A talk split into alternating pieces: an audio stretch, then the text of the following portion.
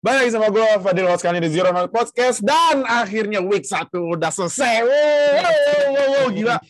Week one. Gila gila. Week 1 aja. Emang nih week 1 nih udah gak sehat buat jantung nah. Mulai match aja udah kayak gitu. Match hari Senin malamnya aja udah kayak gitu juga ada beberapa. Kemarin hari Selasa, Masya Allah ini matchnya ah udah aduh gue aja nonton dah sampai loncat-loncat sampai nahan ini lagi jantung gua biar nggak kenceng. Eh tetap tetap aja kenceng sampai terakhir terakhir tuh. Akhirnya menang kan. nah jadi Week satu ini gi- gila banget menurut gua week satu aja udah ada kandidat game of the year loh. Nah nanti kita bakal bahas. Nah jadi bahkan ini ya bahkan di apa di account official NFL tuh di apa namanya di judulnya tuh bahkan ada ini caption game of the year tanda tanya. Iya makanya jadi ada ada captionnya jadi ya ya emang udah terbukti gamenya gila kan yang tadi gue bilang udah nggak sehat sama jantung jadi ya udah. Eh, kalau gitu eh ini apa? Eh jadi ya ini kalau gitu kita langsung aja mulai review di week 1 tapi eh sebelum mulai jangan lupa seperti biasa subscribe ke konten sampai subscribe biar kita upload dan notifikasi nonton.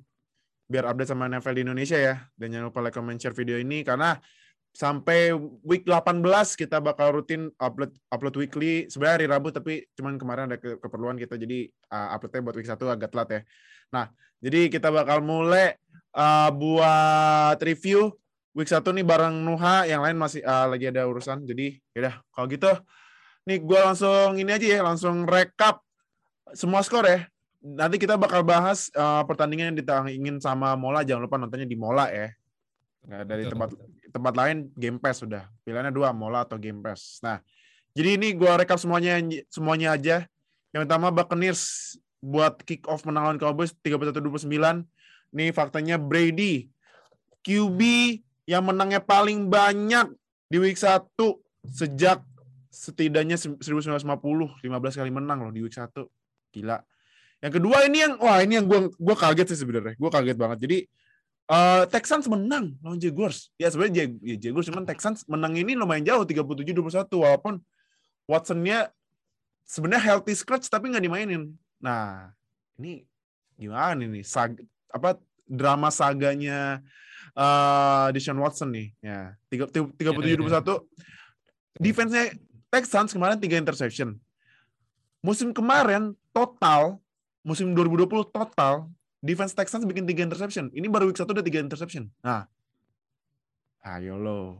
Bahaya nih. jangan ini sih menurut gua jangan terlalu senang cepat senang dulu karena tahun lalu pun Jaguar menang di week 1 sisanya kalah semua Nah, itu makanya jadi eh apa ya sebenarnya masih week 1 eh jadi ya mungkin um, aw- awalnya wah ini Texans nih gila nih masih apa sama Watson masih eh apa, tanpa Watson ternyata masih bagus ternyata ternyata ntar next weeknya kayak Jaguars nah jadi week 1 sebenarnya jangan terlalu hype ya nah jadi eh bahaya kalau hype hype gitu Betul, betul, betul. Nah, betul. terus next ini eh Chargers menang lawan WFT 2016. Ini coach barunya Brandon Staley.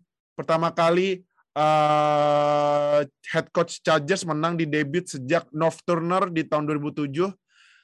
Terus eh Seahawks Colts menang Seahawks 28-16. Seahawks ini rekornya 12-1 dalam 13 game terakhir yang mulai mainnya jam 10 pagi waktu Eastern Amerika. Buset nih, ini bahas tes saya. Detail banget. nah, terus Panthers lawan Jets 19-14 menang Panthers. CMC eh li- karir game kelima dia dengan 80 plus rush yards sama 80 receiving yards. Bengals Vikings yang sampai overtime ini aduh Vikings pakai fumble lagi Dalvin Cook ya.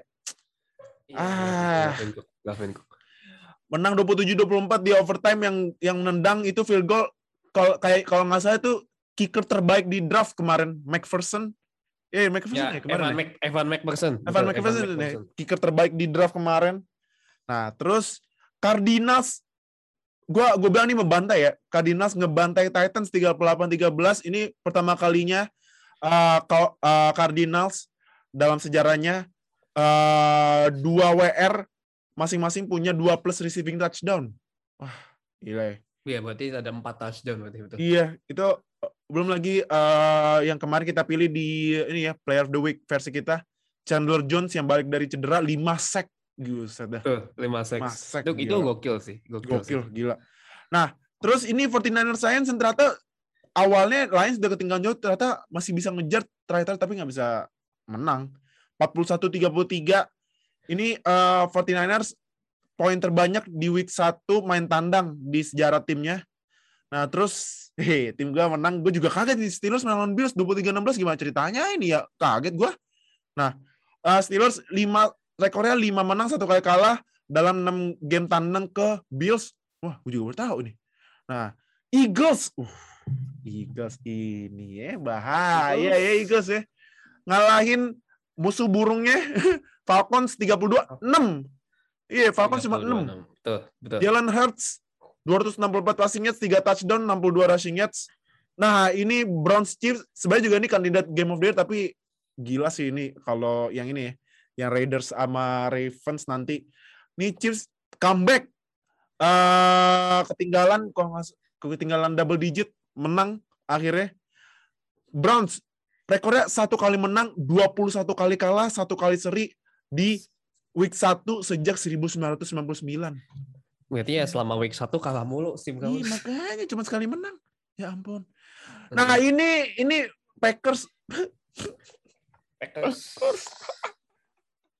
Gue gak nyangka sih asli maksudnya Gua juga. lu bisa maksudnya Packers tuh bisa di blow out segede Iya. itu skornya 383. iya. Men itu bahkan Aaron Rodgers musim lalu yang interceptnya bahkan cuma berapa gitu. Di match di week 1 ini tiga kali intercept men. Iya, makanya gila ya. Ini Saints yang main numpang di stadionnya Jaguars menang loh 38-3. James Winston 5 passing touchdown nyamain karir high-nya. Gila nih kayak James Winston ada epic saya deh long term ya. Ini Long-term se- QB1 setelah ya. apa namanya setelah lasik, Lasik setelah ya, lasik ya, mata, iya. Winston jago sih. Ah, Iya, emang kayak- sebenarnya jago kayaknya. Emang Iya. masalah mata aja sih Iya, kayaknya. nggak sama mata aja. Ya. Next, nih Broncos on Giants menang Broncos 27-13. Nih Broncos eh 0,683 win percentage in eh, di ini ya di kick off sejak 1970 ini eh, tertinggi di NFL. Wah, gue baru tahu ini Broncos sih. Bagus juga di season opener. Apa di kick off tapi ya abis itu ya. ya ya nggak selalu sih teman akhir-akhir ini kebanyakan meh gitu. Nah, ini Dolphins Patriots, sayang sekali ya fans Patriots eh, debutnya Mac Jones kalah satu poin. Ah, Jalen Waddle, pemain kedua di sejarah Dolphins yang bikin 60 plus receiving yards sama satu touchdown di karir game pertamanya. Nah, terus ini prime time game Rams lawan Bears. Nah, gila ya Matt Stafford ya. Gokil ya. Sih, ah, asli. 34-14. Rams ini 5-0 di week 1 selama ditangani sama Sean, Mc, Sean McVay. Uh. Sama terakhir, nah ini terakhir Game of the Year candidate ini. Raiders, Ravens menang Raiders 33-27. Gila sih. Nah, jadi yang bakal kita bahas yang ditayangin mula plus bonus satu, uh, kita bakal bahas game nanti uh, Browns lawan uh, Chiefs. Jadi buat pertama, nah Cowboys Buccaneers dulu. No, Ya. menurut lu gimana nih Cowboys Buccaneers? Uh, kalau Cowboys Buccaneers ini gue cek uh, kemarin itu sebenarnya ini ya sebenarnya menurut gue uh, Dak Prescott mainnya bagus sih bagus gue walaupun Mainnya menurut gue dia bagus kok. Dak, Dak Prescott tuh mainnya bagus kemarin. Dak Prescott itu kemarin statsnya 42 komplit dari 58 passing attempt, 403 passing yards, 3 touchdown, 1 interception. Cuman ya sayangnya run play-nya nggak nggak gerak ya Zik. Aduh. Iya, run play-nya Buccaneers gak jalan karena memang front seven-nya Buccaneers memang benar-benar bagus untuk masalah run defense. Ya bayangin aja ada nama-nama kayak Shaq Barrett, ada JPP, Vita Vea, bahkan Vita Vea pun bisa role bisa ganti-ganti. Itu tuh menurut gue menjadi salah satu faktor penghalang kenapa running games-nya running game yang Cowboys tuh nggak jalan gitu. Aha. Nah. Dan apa Zee kan dia cuma bawa cuma 4 carry cuma du- du- empat empat carries doang buat 12 yard gitu. Jadi kan ya main ya jelek banget gitu. Berarti otomatis nggak bisa entah itu offensive coordinator yang nggak bisa adjust dengan run defense-nya Buccaneers atau apa nggak tahu. Mhm. Cuman sih harusnya ya walaupun run game-nya nggak ini ya nggak jalan, passing game-nya benar-benar luar biasa sih. Iya. Memang itu emang trademarknya Dak, Dak Prescott ya, selalu have heavy pass heavy passing game tapi nggak lupa juga sebenarnya sama sama running game sebenarnya. Hmm, iya. Kebetulan aja ketemunya Buccaneers sih, emang sulit untuk masalah run defense. Iya sih. Nah, eh tapi kalau dilihat nih juga eh, ini ya W- dua WR-nya Cowboys Amari Cooper sama CD Lamb stats-nya gila ya, apalagi buat fantasy ya. Betul. Amari Cooper 13 kali nangkap 139 receiving yards, 2 touchdown. CD Lamb 7 kali ris- eh, nangkap 104 eh, receiving yards, 1 touchdown. Nah, menurut lo apakah Cooper sama Lamb sekarang dua WR terbaik di NFL? Kalau mau dibilang duo WR terbaik di NFL, gua rasa mungkin kalau misalnya Cooper sama Lamb bisa ada di top 5 lah untuk Mhm. masalah duo receiver karena sebenarnya untuk duo lagi juga masih ada yang lain. Contohnya kalau misalnya di Rams ada Robert Woods sama Cooper Cup, Aha. terus juga kalau sebenarnya di Buccaneers pun juga gitu. Chris Godwin sama Mike Evans sebenarnya tuh duo lethal banget sebagai receiver juga. Aha. Tapi kalau memang dibandingin ko- complete star memang Cooper sama Lamb bisa dimasuk ada top 5 dan Iya. memang dan itu terbukti lagi di game kemarin di game Buccaneers lawan Cowboys dua-duanya dapat bola yang menurut gue sama-sama imbang porsinya dan yards-nya gede gitu receiving yards-nya gede Mhm. walaupun mungkin kalau masalah yard after catch-nya mungkin nggak sebagus kayak Robert Woods sama Cooper Cup ya itu kan Ah. kalau duo receiver Rams memang paling bagus untuk masalah yard after catch cuma Cooper Amari Cooper sama CD Lamb sih bisa ada di top 5 sih kalau menurut gue. Top 5 ya? Mm. Oke. Eh terus kalau Bucks-nya nih menurut lo aduh. Ah, oh, sebelum ke Bucks kan lo kan eh, rookie analis kita ya. Iya. Micah Parsons gimana menurut lo? Kalau menurut gue sih Micah Parsons bagus mainnya. 7 Kalau total tackle. gue, gue mungkin punya pandangan yang berbeda ya. Ah, iya, gimana, gimana, gimana, gimana? Soalnya menurut gue Micah Parsons mungkin bagus. Dia ya untuk masalah coverage lumayan oke, cuman ada Mhm. at some point dia masih sering burn gitu. Karena dia menurut gue ada di- bahkan di one play-nya Buccaneers di satu game ketika touchdown-nya siapa ya? Godwin kalau nggak salah. Touchdown-nya Iya. Godwin itu si Michael Parsons itu kayak nggak bisa nge- ngebaca coverage-nya dia. Bukan ngebaca sih, mungkin kayak ngelepas coverage. Mhm. Coverage-nya tuh dilepas sama sama Michael Parsons Tep- tep- lebih tepatnya karena dia bingung harus ngapain sih kalau menurut gue Mhm. dia masih ya bener dan kebetulan lo lawan lo Tom Brady men Tom Brady itu paling jago kalau nyari kelemahan lawan itu udah Iya paling sih. jago Iya, iya benar. dia Tom Brady sejago itu ya lawan lo Michael Parsons yang rookie di tengah-tengah gitu Aha. dan gue lihat di playnya gue lihat di videonya itu bener-bener Michael Parsons tuh kebingungan buat nge-cover udah nge-cover nih udah nge-cover udah nge-cover Godwin Mhm. Cuman habis itu dilepas lagi dan ketika bolanya udah nyap, udah ngelewatin dia, baru dia kejar, baru dia kejar lagi si Godwin dan akhirnya ber, berimbas ke touchdown. Dan men- menurut gue nggak hanya Michael Parsons ya itu juga masalah di secondary yang juga gitu. Mhm. Bahkan secondary-nya yang hasil touchdown salah satu touchdown pun juga sama gitu. Karena ngelepas coverage. Jadi sebenarnya kalau Michael Parsons potensialnya gede, cuman memang kemarin ya masih pertama kali main as a rookie di NFL, jadi Mhm. wajar aja sih masih kena sedikit burn. Cuman untuk masalah coverage, ya mungkin itu cuma satu play aja sih yang memang menurut gue agak gue wanti-wanti untuk masalah coverage. Cuman for, for the most time being bagus sih memang mainnya. Dan Hmm. menurut gue bagusnya tuh dia ya berani aja sih berani untuk take risk menurut gue. Ya mungkin salah satu take risk-nya dia ya mencoba untuk me- melupakan sedikit coverage juga, but but sti- he still play a good game. Oh.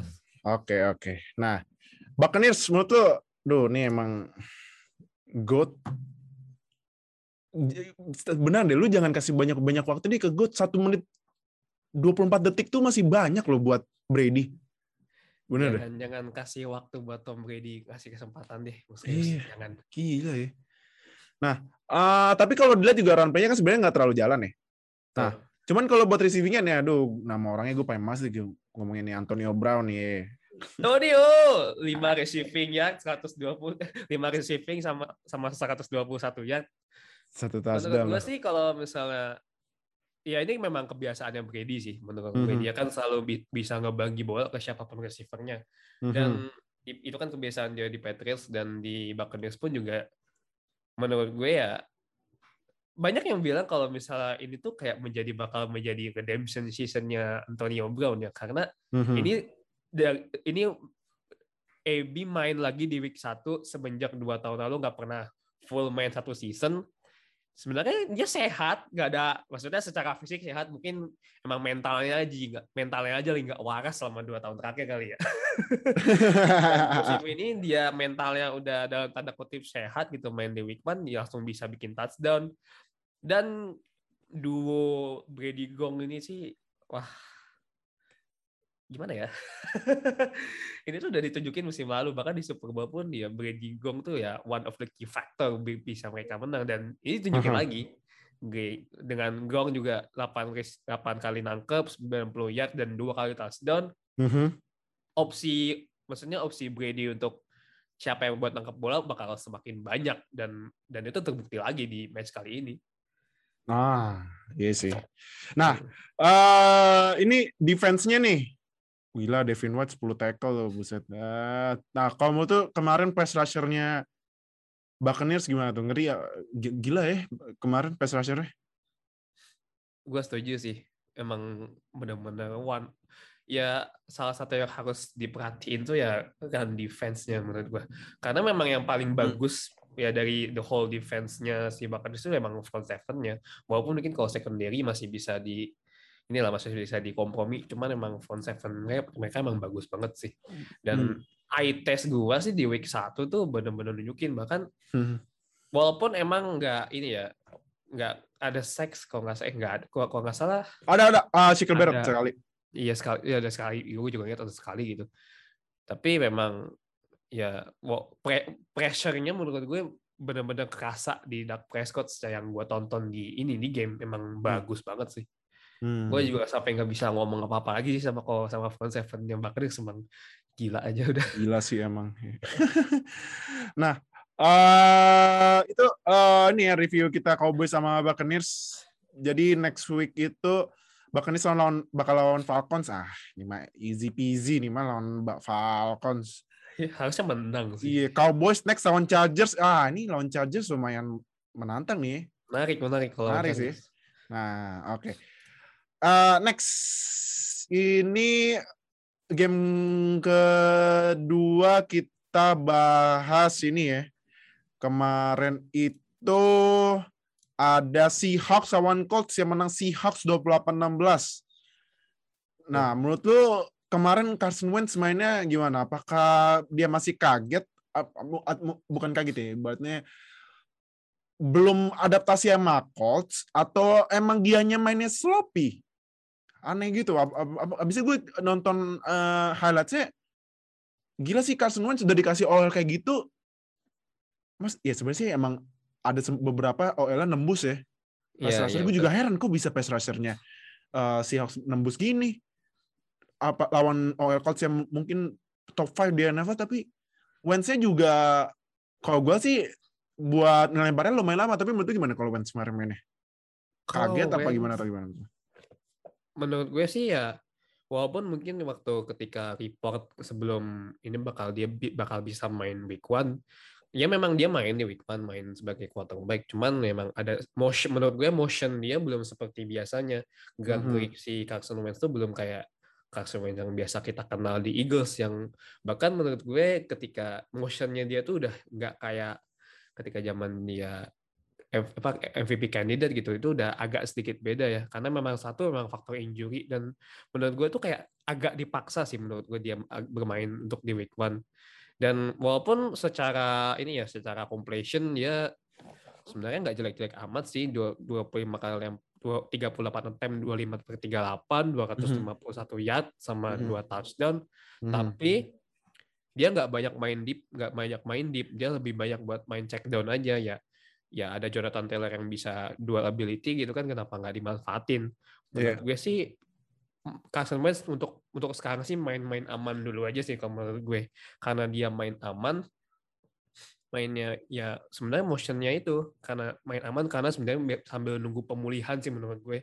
Jadi kan kayak ada dipaksa gitu loh. Gue ngeliat pun juga masih ada kayak gerakan-gerakan yang nggak nyaman dilihat bahkan dia pun kayak ngerasa nggak nyaman sama sama playnya dia sendiri mungkin yang gue lihat Mhm. sih seperti itu ya Hmm, oke.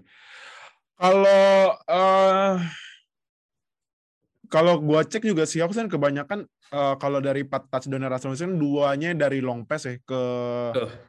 ke Tyler Lockett ya. Makanya ini kan kalau lihat Hmm. stats kan Tyler Lockett 4 kali nangkep 100 yard, 2 touchdown kan. ya tuh Ya ini juga 100 yard karena dia dua eh, dua touchdownnya long pass yang satu long pass apa long pass yang dia udah nangkep sini atau tiba-tiba ganti gitu wah gila sih itu adjustmentnya sama Iya, satu iya. lagi yang long pass dari jag- apa dia ngeburn dua orang Hmm. nah eh gua mau nanya lagi ke lu nih sama kayak tadi eh, pas Buccaneers lawan Cowboys ya Taruh Lockett sama DK Metcalf dua top, termasuk top 5 dua WR nggak? Ter- top 5 dua WR terbaik di NFL nggak maksudnya? Hmm. Untuk menarik sih ini karena menurut gue Metcalf sama Lockett ini menurut gue saling melengkapi ya ability mereka tuh benar-benar saling melengkapi si Hawks.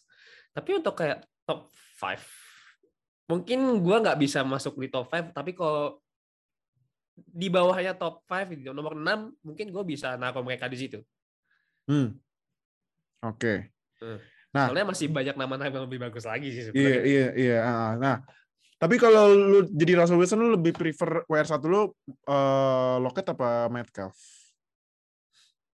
Kalau gue jadi Wilson sih, gue lebih suka Lockett ya. Lockett. Kenapa Iya, Lockett? gue lebih suka Lockett karena kalau Metcalf, route running dia biasa aja menurut gue. Ah.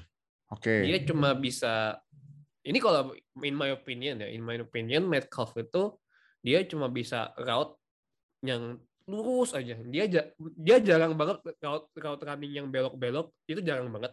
Mhm. Makanya dia kan nggak pernah ditaruh sebagai di slot gitu. Dia buat main yang lurus, lari terus masuk ke dalam. Itu Metcalf tuh nggak pernah diposisikan bermain seperti itu. Pasti kan dia lebih banyak main lurus. Dan dia diambil dipakai sama Wilson sebagai deep threat. Mhm. Sebenarnya nggak masalah. Cuman kurang kurang ini aja sih, kurang kayak apa? Kurang versatile aja kalau menurut gue kalau cuma bisa bermain route route running yang cuma bisa lurus dan deep aja. Jadi Mhm. kepakainya cuma buat deep threat doang. Sedangkan kan untuk bermain di threat kan pemain tuh harus bikin bisa bikin separasi separasi yang oke gitu. Dan menurut gue dengan Metcalf yang punya fisik yang gede, ability dia buat bikin sepa- separasi pun nggak sebagus kalau misalnya dengan route runner slot route runner dan menurut gue Lockett cukup oke untuk membuat separasi itu. Jadi ya gue akan lebih milih Lockett sih daripada Metcalf. Hmm, oke, oke, oke, oke. Nah, eh kalau terakhir nih,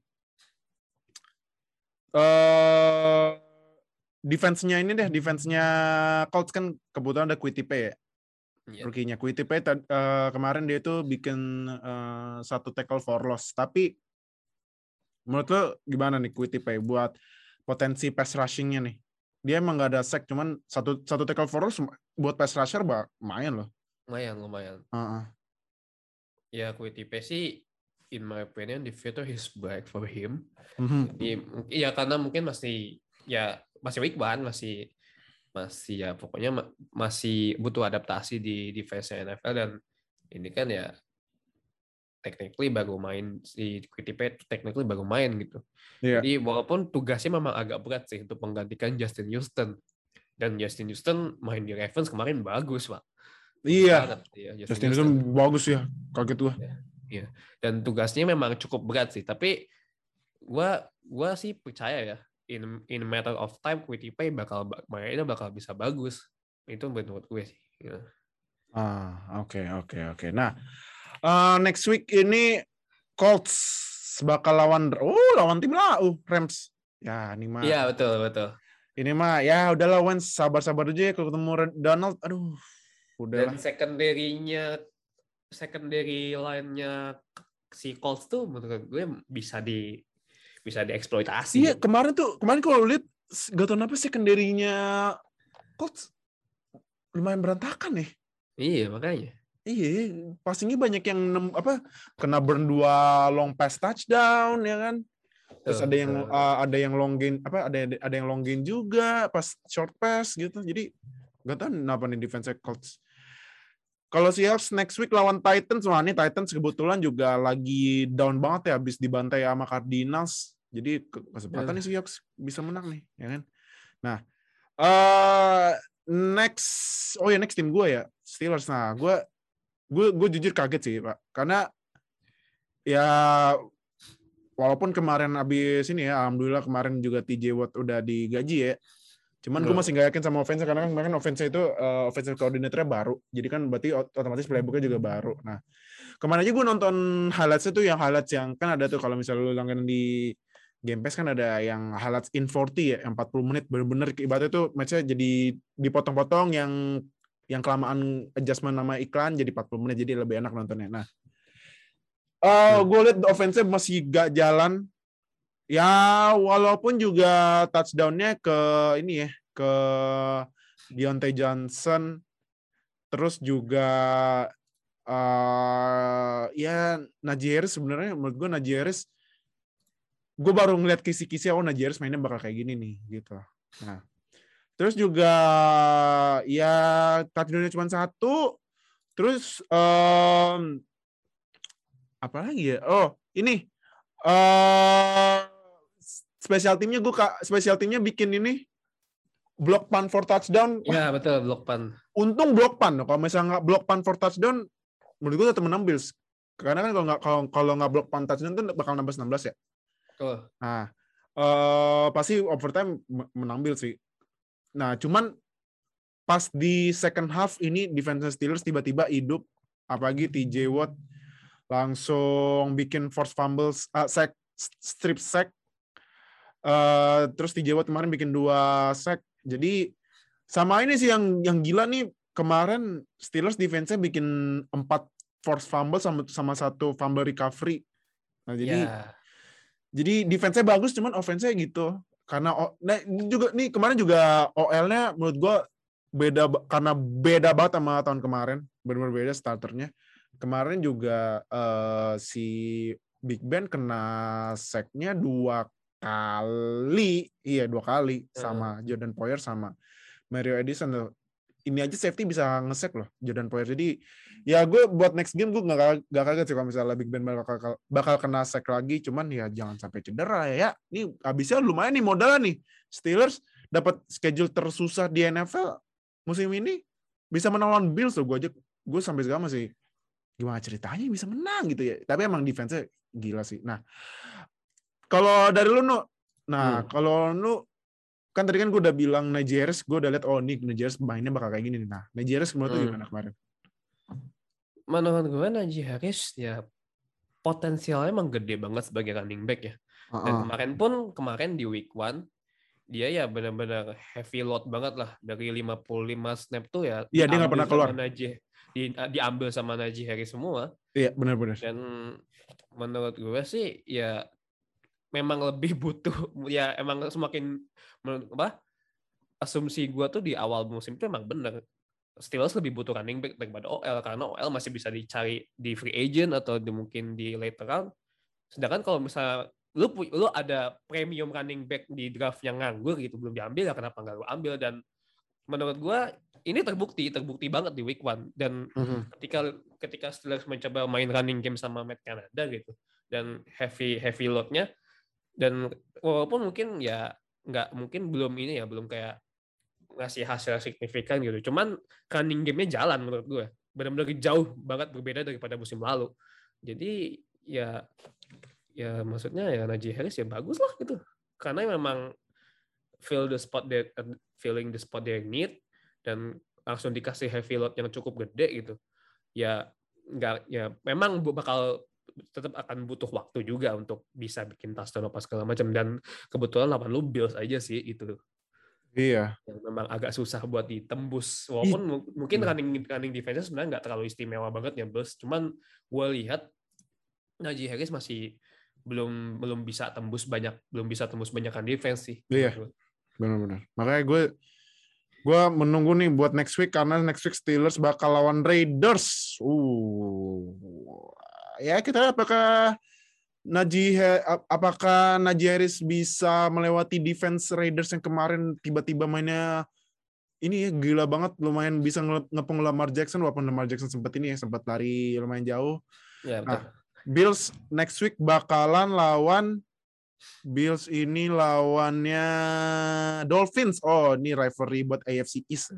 Nah, Betul. kita lihat apakah Bills bisa bounce back karena gue juga kemarin katanya gue lihat ada prediksi semua pada Billy Bills, ternyata Steelers yang menang. Ah, Jadi kan emang kebukti kemarin Steelers jadi underdog ya. Nah, eh, next game kita berarti langsung masuk ke prime time ya. oh iya dong. Nah, karena dua game jam 12 malamnya udah selesai sama game hari Jumat. Nah, yang pertama kita bahas yang main di Sunday Night Football. Let's go. Gimana no reaksi lo? Matthew Stafford yang menurut Man. akhirnya dia keluar penjara berapa tahun dia di Lions? 11 tahun ya? ya pokoknya dari 2009 lah. ya 12 tahun lah ya hitungannya. 12 Iya. tahun loh. Nih kalau gua nih kalau gua baca insight ya.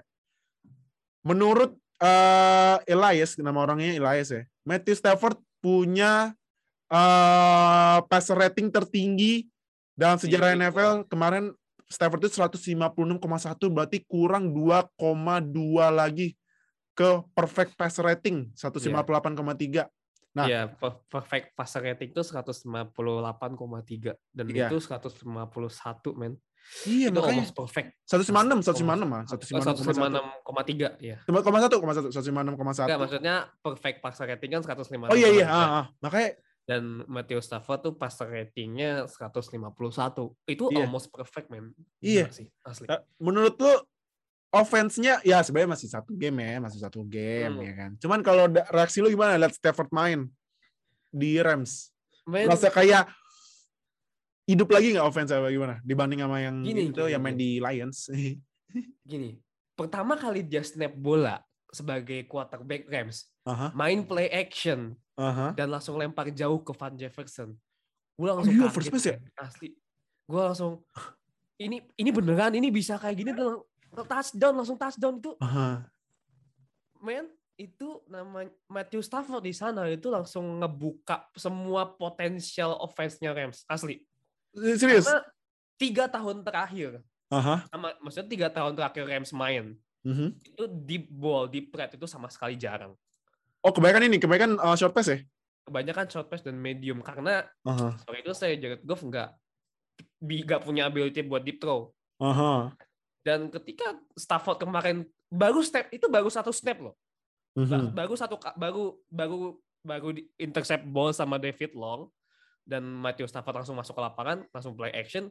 Itu tuh baru baru sekali men, baru sekali dan langsung bikin touchdown itu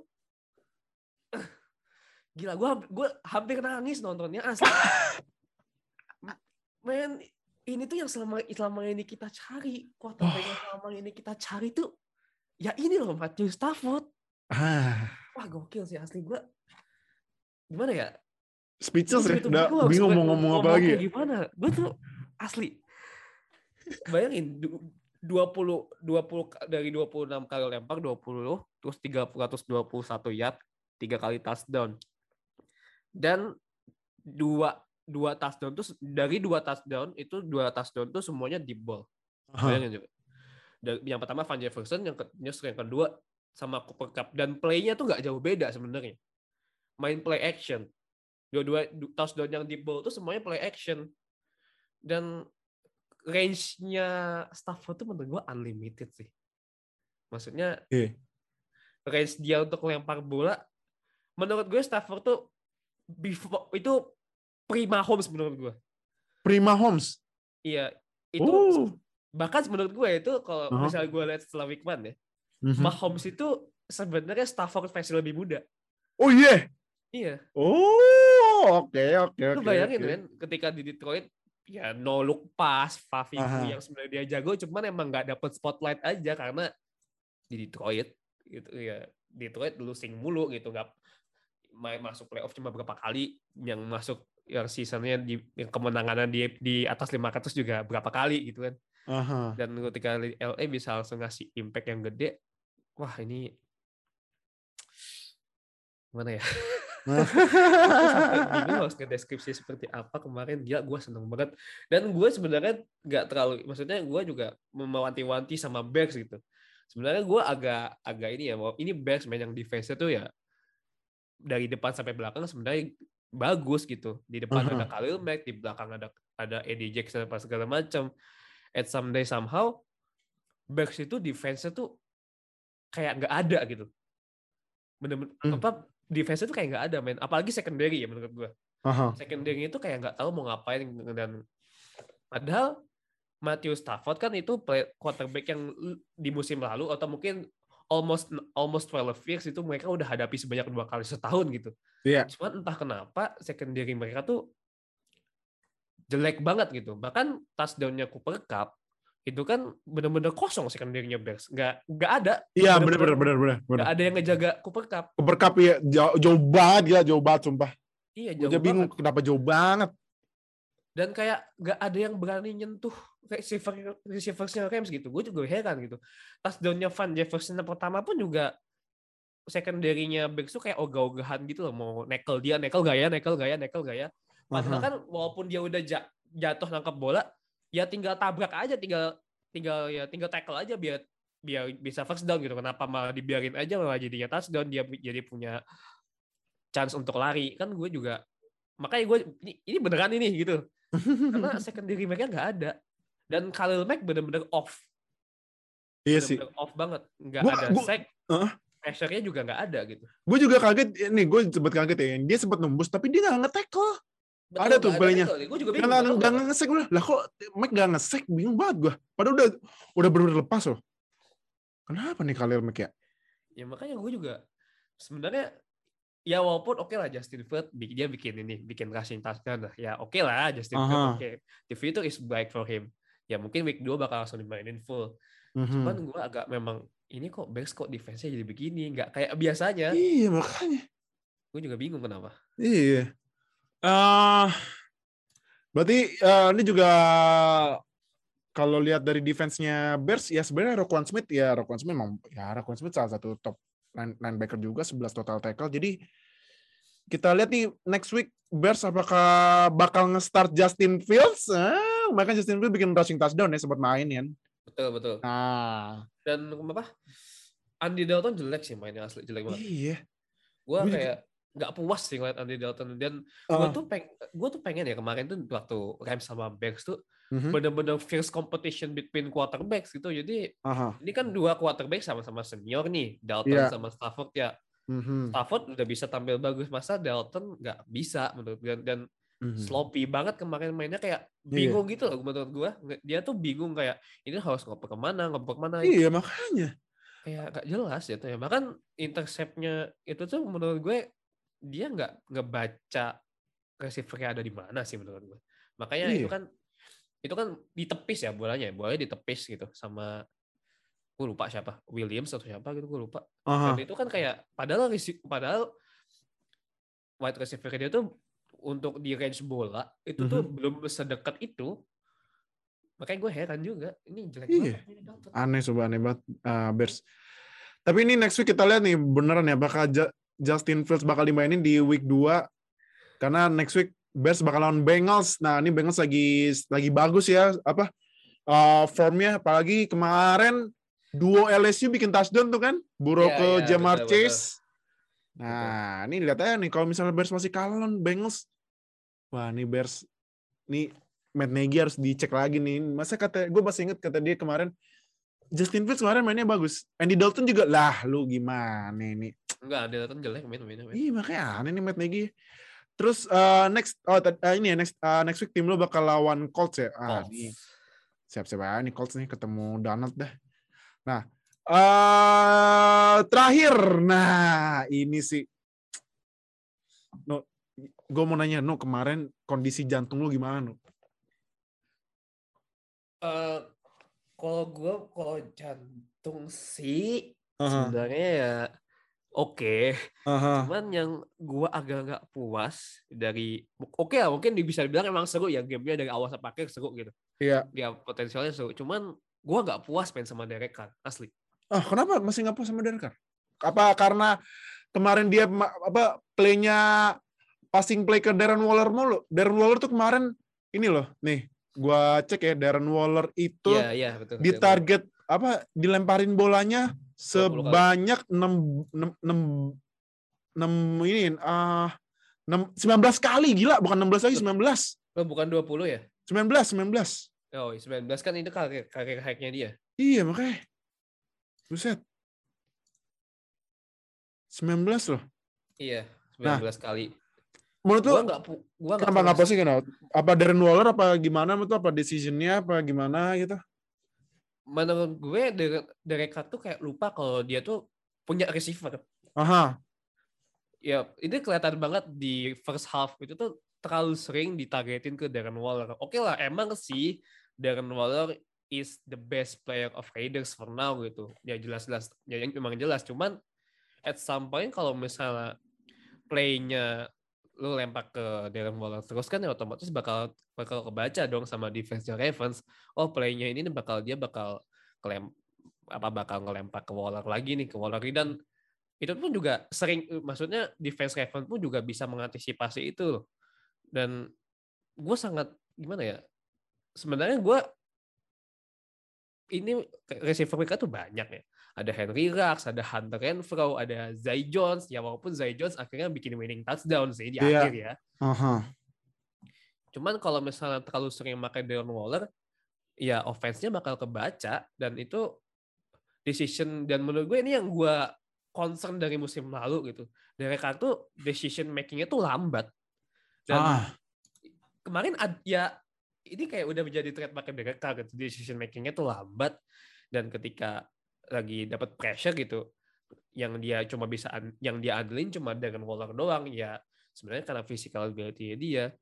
Mhm. tapi kan kalau misalnya dia lagi playnya buntu gitu, nah itu yang dia menurut gue yang susah untuk diantisipasi. Karena Derek Carr udah mentok men. Menurut gue ya udah bakal segitu-gitu aja nggak bisa improve lagi. Karena ya udah. Ya jadi Henry Rux gak dipakai.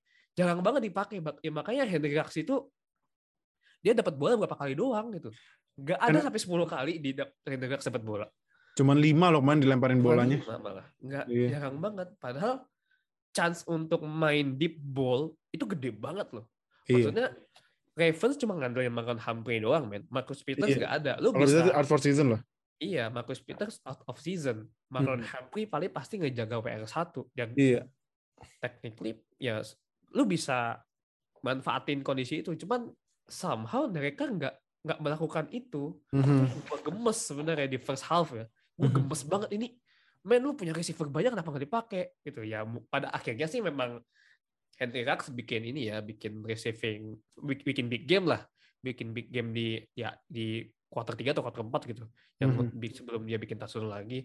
Cuman ya gitu gue masih nggak puas sama Derek Carr asli. Itu aja sih. Kalau concern gue cuma Derek Carr doang. Ah. gitu dulu. Nah, lu concern sama Derek Carr yang decision makingnya lama gitu kan. iya Lu sekarang lu juga concern nggak sama Lamar Jackson yang kebanyakan lari? Karena kemarin itu Lamar Jackson dia fumble-nya sampai tiga kali loh. Lost fumble Iya. dua. Nah, Lamar Jackson di mana tuh? Apakah udah saatnya dikurang-kurangin lari apa? Ya karena menurut gue playbooknya gitu-gitu mulu. Pistol, betul pistol formation, red option, betul passing atau lari. Udah gitu mulu mainnya sampai bosen. Nih juga gue cek kan ternyata offensive coordinatornya dia zaman zaman Colin Kaepernick ya Colin Kaepernick pas di 49ers mainnya juga kayak gitu.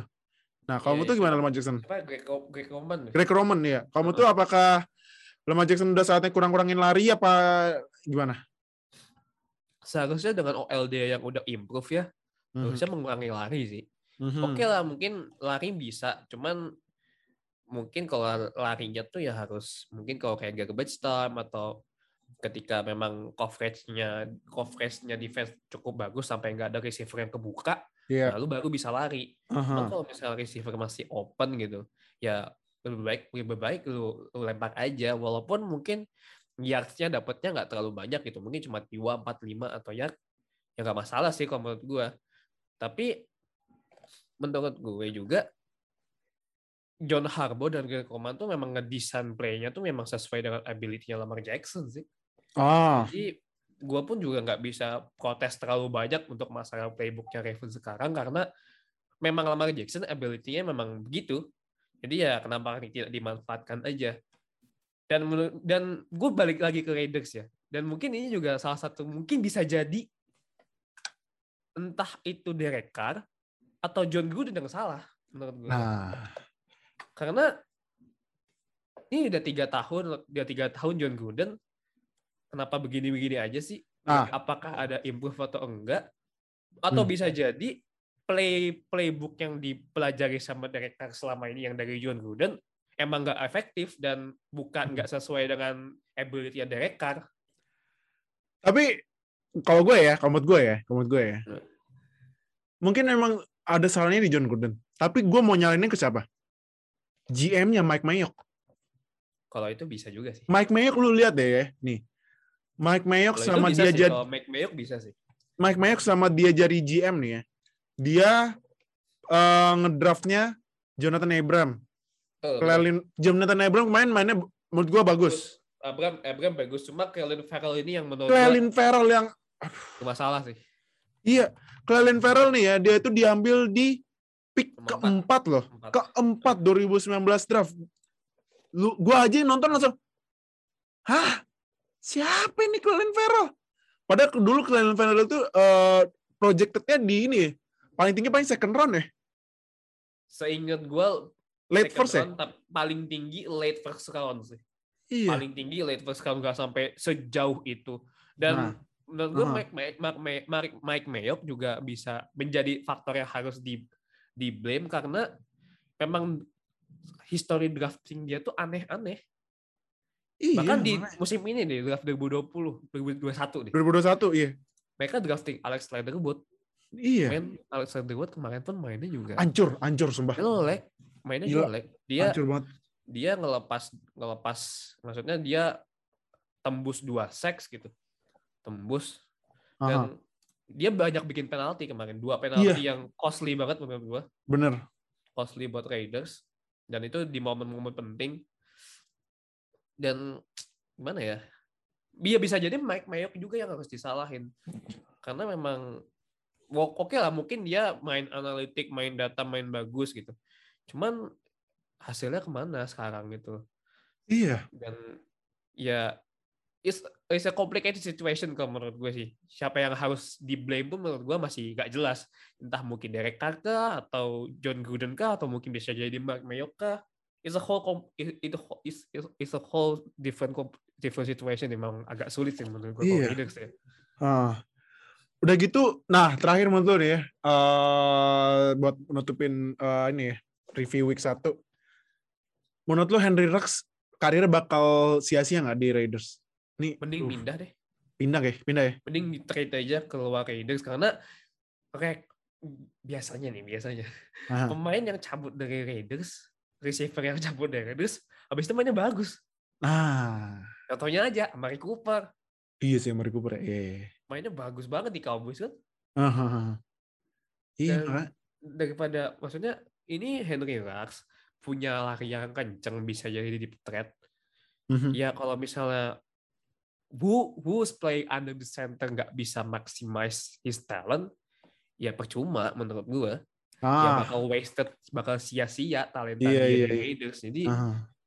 menurut gue ya to save his career gitu kalau dia memang memang beneran bagus dia layak diambil sebagai WR1 di draft 2020 ya mending lu cabut aja sih. Main ke mana kek Iya, yang iya. butuh receiver gitu. Atau Mhm. mungkin ke Broncos juga bisa kan Jerry Judy habis cedera nih. Mhm. habis cedera dan bakal cabut out of season gitu. Ya kenapa enggak menurut gue Ah. karena sayang aja talent dia sebagus bagus dia punya talent yang bagus cuman sia-sia. Sia-sia iya sih. Gue gue setuju sia-sia banget. Nah tapi gue sorry gue baru inget. Ada satu game yang kita miss. Berarti berarti ini yang terakhir ya. Sorry gue ada yang miss.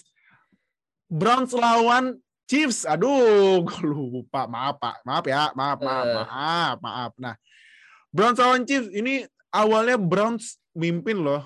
Di first half lumayan jauh tapi tiba-tiba Chiefs comeback. Emang nih Mahomes comeback kit ya? Comeback mul menangnya banyak banget yang comeback. Terus skornya itu dari awalnya Browns mimpin di first half eh, skornya 22-10 akhirnya Chiefs menang jadi 33-29. Nah, Hmm. ah, menurut lo apakah pas yang eh, Browns ngepan terus panternya ini nggak bisa nangkap bolanya tuh sempat ke ke- sempat ke bots gitu itu udah jadi momentum killernya Browns buat menang di week 1 Eh, it's safe to say iya karena itu momentum changing banget sih. Karena iya blok pan pan kayak gitu kan ya sulit lah. Maksudnya ya lu udah maksudnya udah ngepan kayak gitu kalau misalnya bisa diblok itu kan ya bakal ngubah hasil. Apalagi kalau misalnya itu bisa diambil dan bisa touchdown itu kan ya sulit sih menurut gua. Hmm. Nah, eh ini juga kalau di stat juga nih Tyreek Hill, aduh, emang Tyreek Hill ya iya iya gila sih. Cuman di first half juga sebenarnya nih kalau di Browns Nick Chubb mainnya udah bagus ya dua, dua, dua touchdown loh di first half. betul betul betul Iya. dia mainnya Nick Chubb bagus Nah. makanya fantasi poinnya gede Iya. Eh, cuman ya pas di second half-nya itu padahal Browns di menit-menit terakhir bisa nyusul tapi ya katanya sih katanya ya katanya ya katanya katanya. Nah katanya eh katanya Mayfield ini se- seharusnya di menit-menit terakhir itu dia mendingan ke- kena sek aja daripada lempar dan akhirnya dan ternyata dia lempar interception lah. Sayang banget. ah iya iya iya. Iya kan? Hmm, hmm. Duh, makanya ini kalau misalnya menang tuh bisa jadi modal buat ini ya Browns ini ya mungkin bisa menangin AFC North mungkin. Cuman kan baik lagi ya baru week satu, baru ya week kan? satu baru week satu. Cuman ya kalau menurut tuh no ini bisa jadi game of the year kandidat juga nggak buat uh, Browns sama Chiefs sama ini satu lagi pertanyaan gue terakhir ya.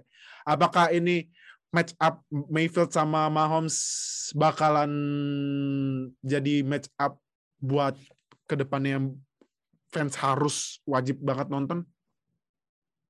menurut gua kalau misalnya dijadiin match up match up match up match up of the year yang harus ditonton menurut gua iya karena satu musim lalu pun Chiefs sama Browns tuh selalu bikin matchnya yang seru-seru selalu walaupun memang ujung-ujungnya memang Chiefs yang selalu menang karena ya itu punya Tyreek Hill dan Travis Kelsey yang bisa nge-burn out secondary semudah itu.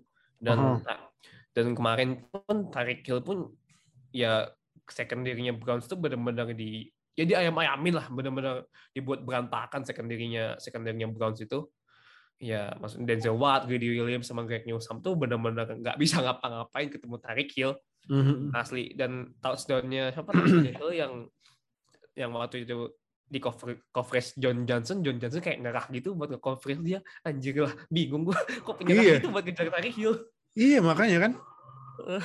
Jadi eh ya emang kalau jaga tarik itu capek ya, gak, gak bisa dua orang juga pasti dia lolos sih masalahnya ya. Ya iya, soalnya kan 15 kali di target, 11 kali nangkap 197 yard itu 197, men, coverage secondary Browns-nya ke mana gitu. Ke mana? Iya, padahal secondary Browns kan udah ada Denzel Ward, udah ada yang kemarin di draft Greg Newsome kan, Iya, terus Grady Williams Grady Williams. Nah, dan cuman ada John Johnson. Cuman ya ini lagi.